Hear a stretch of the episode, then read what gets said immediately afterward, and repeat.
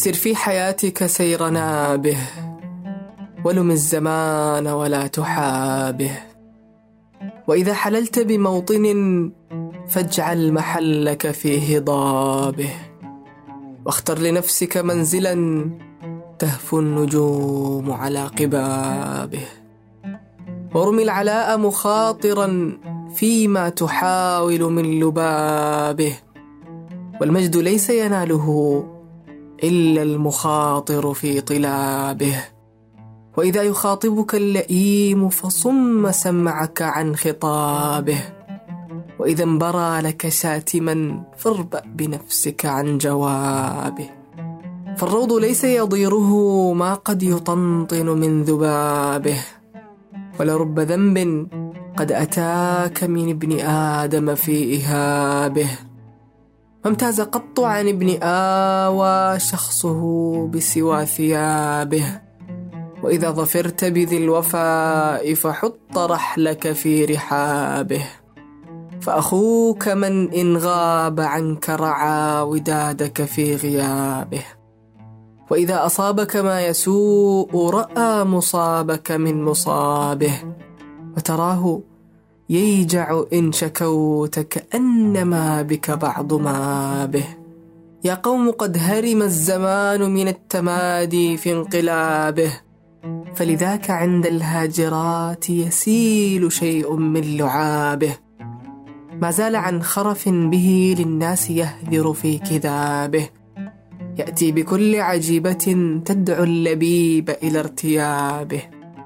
والناس في عطش تسير إلى ارتواء من سرابه فمتى يجود لنا الزمان ولو بمذق من وطابه؟ وإلى متى هو ساتر وجه الحقيقة في ضبابه؟ يتلو بصرف الحادثات لنا فصولا من كتابه. كم يدعي وطنية من لم تكن مرت ببابه؟ فتراه ينفخ لاغيا فيها وينفخ في جرابه ليكون مكتسبا بها ما لا انتهى لك في اكتسابه. فكأنما هو صائد وكأنما هي من كلابه فتراه يرمي المخلصين بكل سهم من جعابه ويعيب قوما بالخيانة والخيانة بعض عابه. لا بد للوطن العزيز من المسكن لاضطرابه.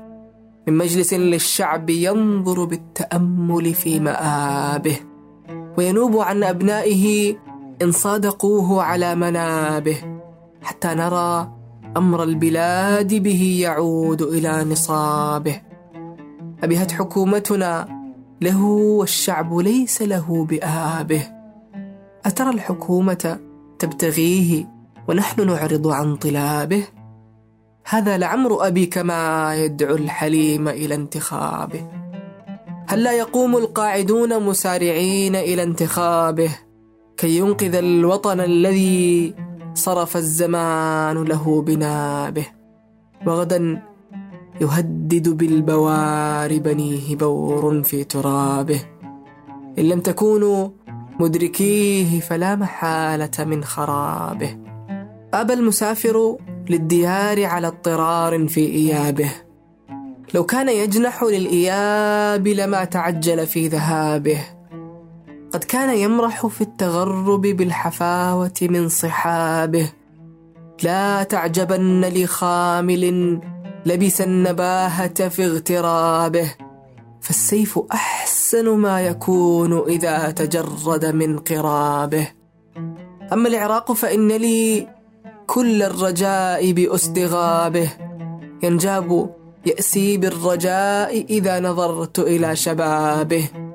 من كل من هو في ظلام الليل أضوأ من شهابه. لمع الذكاء بوجهه كالبرق يلمع في سحابه. يا من زكت أحسابهم فأتوا بأخلاق نوابه وجوههم بالنيرات من النجوم لها مشابه. إني لأشكر فضلكم شكر المثاب على ثوابه.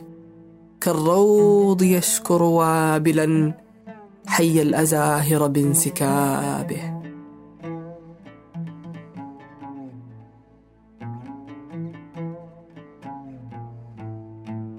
هذا بودكاست فيء فيء من شعر.